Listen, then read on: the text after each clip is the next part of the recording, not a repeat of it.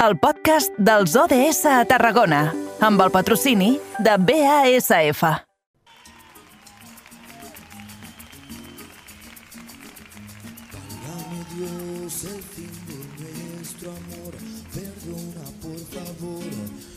Sé cuál fue aquel error, mas no lo sé qué hacer.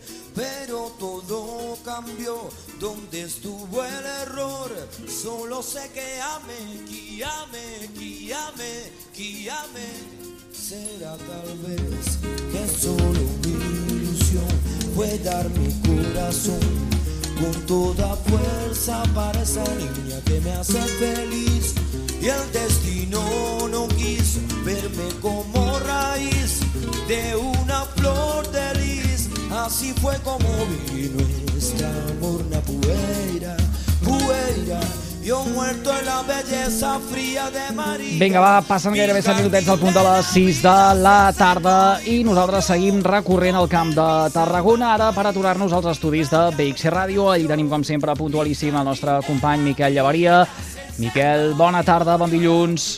Bona tarda a tots. Escolta, per combatre la calor, aquestes elevades temperatures, eh, avui que suem tots, de fet, després d'un cap de setmana que ens ha deixat eh, mitja platanats per la, la calor, tu ets més de granitzat o d'orxata?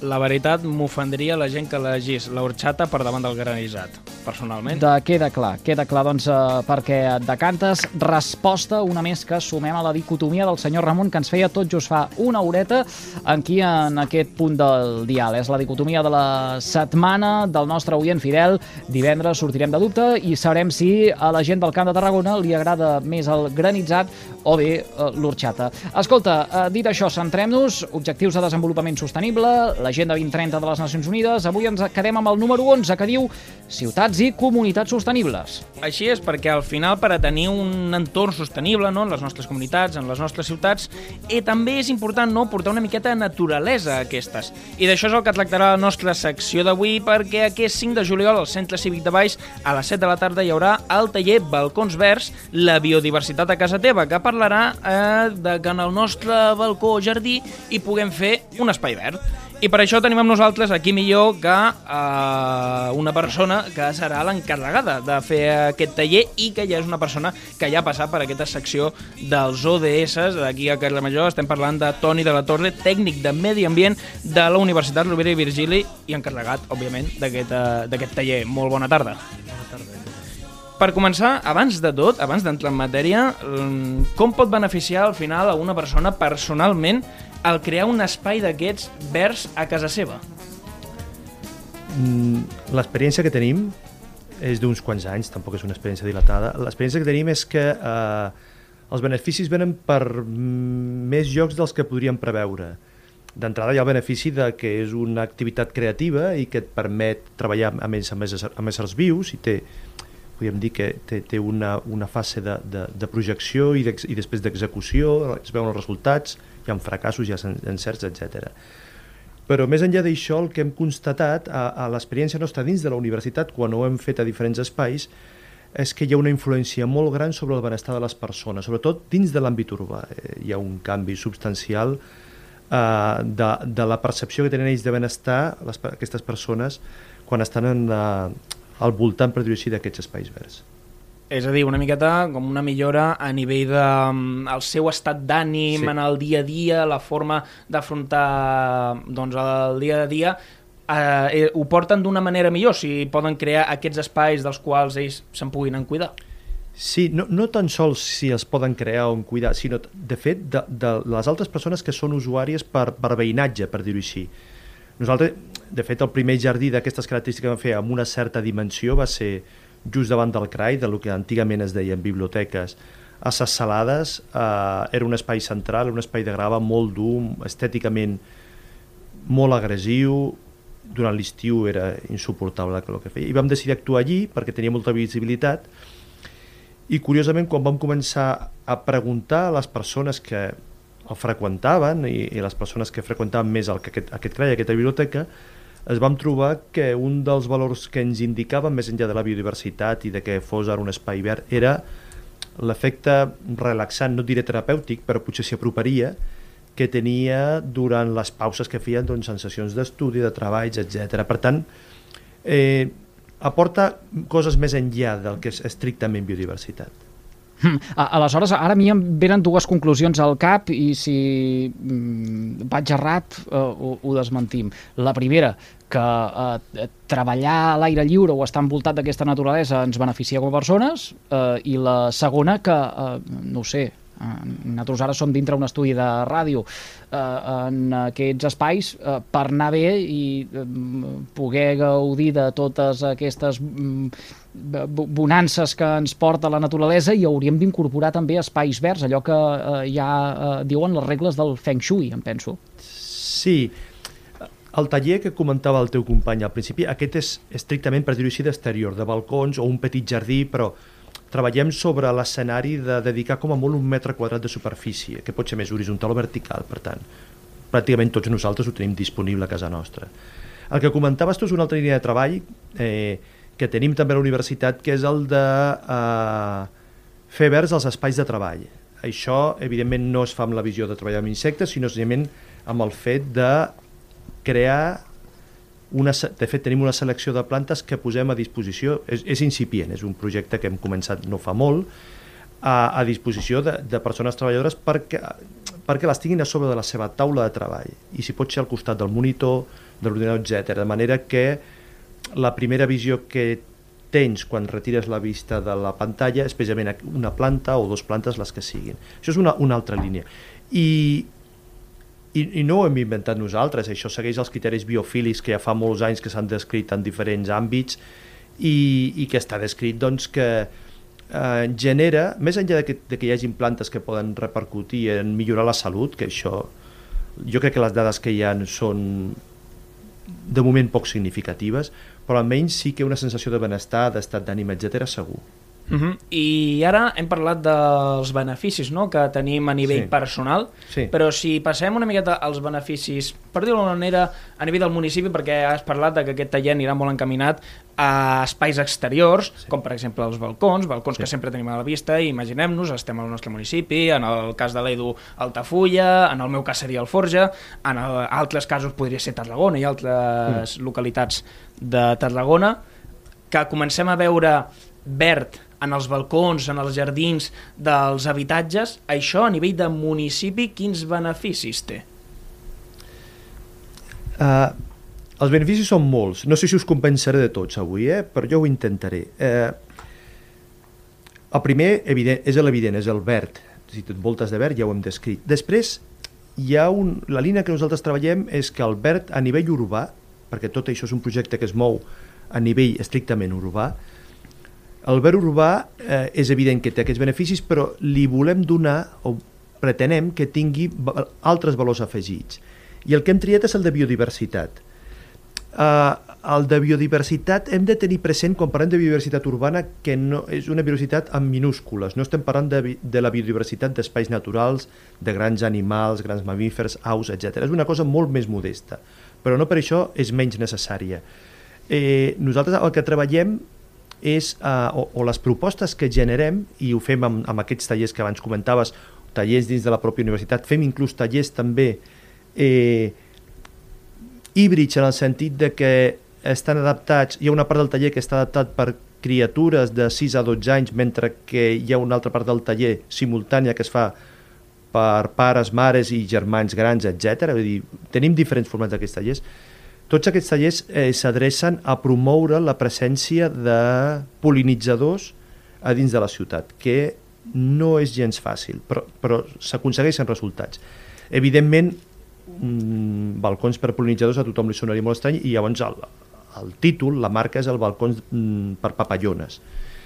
I són tallers que el que t'expliquen o el que expliquem i sobretot, com que ja fa uns anys que el fem, hem constatat que funciona, no només amb nosaltres, sinó amb la gent que assisteix als tallers any rere any, el que proposem i el que s'aconsegueix és criar papallones amb un balcó que pot estar al centre d'una ciutat. Uh -huh. Eh, I ara, mm, òbviament aquí no tenim tot el temps que tindràs tu en aquest taller que faràs el dia 5 de juliol, Centre Cívic de Baix a les 7 de la tarda, Exacte. però encara així potser podem fer un petit tastet Sí. i així uns, uns primers consells per a qui ens pugui estar escoltant i que després podrà ampliar si va en aquest Sí, taller. sí, sí. Eh, per exemple, quines plantes serien així les més recomanades per poder cuidar? Uh, Home, cu cuidar i, en, i, en, i Bueno. entenc, eh, senyor de Torre, també, que cuidar i que, que, prohibici, que prohibicin això, no? El, el, el, els insectes, en aquest cas les, les papallones, ja que ho han sí. Venut amb, la, amb les papallones. Sí, sí, Tot sí, val sí. o no? n- no tot val, però valen moltes més coses de les que ens pensem. Uh, en primer lloc, evidentment, partim d'una premissa, que és que ens han d'agradar les plantes. Això és evident. Vull dir, si no ens agraden les plantes i no tenim una mica l'hàbit de cuidar-les, ens costarà tirar això endavant. Però també es podria intentar. Eh, partint d'aquesta premissa, jo sempre comento que és molt senzill. Evidentment, un balcó o un balcó, un espai per papallones al mig de la ciutat eh, requereix un, unes cures que no són les convencionals. Eh, pel que fa a la selecció de plantes, per anar jo d'una mica de cara a barraca, avui en dia hi ha tutorials de tot a internet. Buscareu i trobareu un munt de plantes que us recomanen. Jo el que sempre recomano és, evidentment es pot mirar a internet, teniu en compte que hi ha alguna planta, per exemple els britànics que fa molts anys que fan això, que aquí eh, no es pot cultivar perquè és invasora, parlo en el, ca- el que la, potser la planta, l'arquetip- l'arquetipus de, de planta per papallones, que és la, la que ells anomenen, de fet, flor de les papallones, la butleia, però tret aquesta planta es poden fer servir moltes, aromàtiques, no aromàtiques, de temporada, eh, mm, que durin diferents anys, etc. La fórmula més fàcil, anar al garden amb les mans a les butxaques, a qualsevol garden, evidentment si pot ser descobert millor, i veure allà on paren més els insectes. En general, els, els garden centers, sempre comento, eh, volen tenir les plantes molt maques i no els interessa que molts insectes s'hi parin. Tot i això, trobarem plantes que són un autèntic atractor d'insectes. Aquelles són les plantes que ens interessen. I no sempre són les plantes més cares. Trobarem plantes d'un euro, d'un euro i mig, de dos euros, i trobarem plantes de 10 o 15 euros. Senzillament, en funció del nostre pressupost, podem triar. Aquesta és I, la i, primera en quines, part. i, I en quines ens hauríem de centrar més concretament? Ho dic ara, que per exemple eh, parlem tant de si són plantes eh, eh, autòctones o en un moment en què Mm. hem de fomentar també l'estalvi d'aigua, molts ajuntaments aposten per les plantes eh, xeròfites eh, Sí. per tal que eh, no haguem de tenir-hi un eh, rec molt eh, constant i això doncs ens eh, ajudi, per exemple, en un altre objectiu de Sí. desenvolupament sostenible, eh, ja que la secció va de, de, del plegat. Sí. Uh, per treballar amb aquest projecte, que és balcons, que és, és escala molt reduïda, direm que l'aigua no serà el primer criteri limitant. I us, us ho comento perquè, per exemple, les plantes aromàtiques donen molt bon resultat en jardí a terra, però amb torreta eh, habitualment viuen molt malament als balcons. No són unes... Les fem servir, però no són les millors plantes. En canvi, les plantes més clàssiques de flor ens funcionen millor per, per la durabilitat. Ja us dic, les aromàtiques hi ha algunes que tenen bona vida, però moltes pateixen molt amb una torreta, amb un balcó. El que proposem nosaltres és això, fer una selecció de flors, cuidar-les, evidentment ens interessen les flors amb nèctar, que són aquestes que treuen més els insectes, ens interessa una mica de cura, doncs tenir-les ben regades, demanem que les flors que ja s'estan marcint eh, es tallin, de manera que les flors que encara estan pendents de- d'obrir-se, de, de, de, de, de madurar o de créixer, ho facin amb més força, i, i poca cosa més. Demanem que la gent ho faci en balcons que tinguin com a mínim 2, 3, 4 hores de sol, a ser possible que no siguin les centrals del dia i que no estiguin exposats a, a, molt, de, a molt de vent. Amb aquests criteris aconseguim que vinguin les mariposes, les papallones i molts altres insectes, no ens enganyem. El que passa que no són insectes, insectes que ens hagin de, de generar problemes. I un cop tenim això, el que demanem ja és la, podríem dir el malabarisme, el anar per nota, és barrejarem aquestes plantes amb una sèrie d'altres plantes que no posaríem mai en un balcó o en un jardí, però que són les que ens interessen perquè són les que permetran a aquestes papallones pondre els ous i on creixeran les orugues. I són plantes molt comunes, és a dir, nosaltres habitualment fem servir cols, fem servir fonoll, fem servir rudes, eh, fem servir inclús de tant en tant ortigues, fem servir plantes d'allò més comú, per no dir vulgar, i el que fem és barrejar-les amb les plantes que tenim al balcó i les cuidem com si fossin plantes de flor exactament igual. Caram, I, I amb aquest còctel, i una mica de fortuna, però que acostuma a passar, eh, aconseguim que vinguin papallones, que ocasionalment van sobrevolar la ciutat, que vegin les nostres plantes, s'apropin a menjar i al costat trobin just les plantes, les seves plantes preferides d'unes quantes espècies seleccionades. Eh, per pondre els ous i ho fan eh, i tenim i registrem casos d'èxit any rere any Ostres, no ho hagués dit mai. Eh, Aquestes plantes que al final acabem tipificant de les, de les males herbes, les que no volem Sí. i trauríem de, de la, del, del pati, que són les que Sí, sí, realment doncs, un projecte que bus eh, fomenta que, que, que es deixin, no? Una Sí. ortiga. Sí, sí, Fa sí, com a sí. mal a la vista eh, mm, o, o, o, o el fonoll. L'ortiga potser ja no ens atrevim tant d'arrencar-la directament amb la mà per l'urticària que després puguem puguem patir. Uh, qu quanta gent se suma en projectes d'aquest tipus? Ho dic perquè normalment quan veiem això, uh, terrasses, balcons, eh, tots florits i guarnits, eh, tot és molt acurat. Mm, no, és, no és fàcil eh, veure, doncs, per exemple, que algú deixa aquest tipus de vegetals. Sí, som conscients que el que demanem és un canvi, un, un cert canvi cultural que no és molt fàcil d'encaixar. El primer cop que ho expliques hi ha cares d'estranyesa, és cert. Però, però ens trobem que, ho, que convencem a la gent que participa als, als, a, ja es dic, aquest, portem ja, aquest, jo crec que és el quart any que, que fem els tallers, el segon any que el fem obert fora de la universitat, i aconseguim, eh, aconseguim convèncer a, a, a força gent que ho fa i, i tenim bons resultats.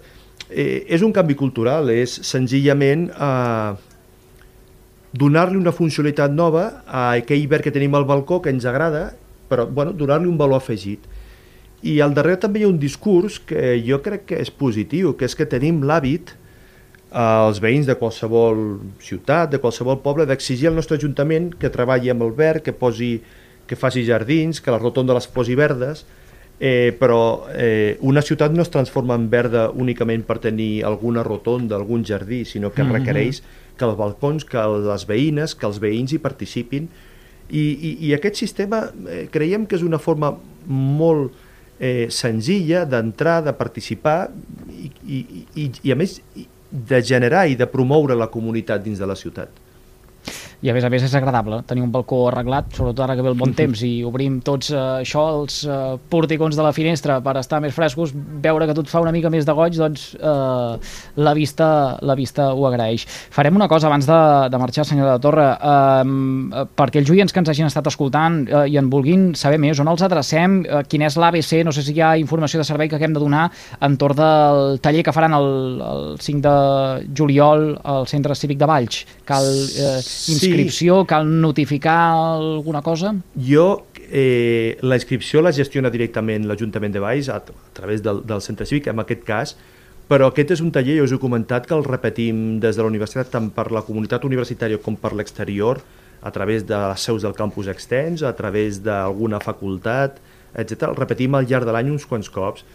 Eh, mm. Jo, per, a- pel cas concret de Valls, recomanaria posar-se en contacte amb el centre eh, cívic de Valls i si no els hi és possible, perquè estigui ple o perquè les dates no els hi vagin bé, eh, quasi que els recomanaria seguir o a les xarxes socials el compte de Medi Ambient de la Universitat, que és eh, arroba mediambient URB, tant a Twitter com a, com a Instagram, o directament la web de Medi Ambient de, de, la, de la URB, urb.cat barra mediambient, i allí anem publicant quan, quan tenim tallers, quan convoquem i fem activitats, etc. Les fem amb regularitat, és una cosa, evidentment, tardor, hivern no són els millors mesos per posar-se a treballar per, per crear un, un balcó d'aquest estil, però primavera i estiu en fem unes quantes sessions. Molt interessant. De fet, ho compartirem tot això a través de les nostres eh, xarxes socials, amb el podcast també eh, concret per a aquella gent que s'hagi incorporat ja a, a, a, mitja, a mitja conversa. Li agraïm moltíssim, eh, Toni de la Torre, que un cop més hagi compartit uns minutets amb nosaltres. Que vagi molt bé. Moltes gràcies a vosaltres.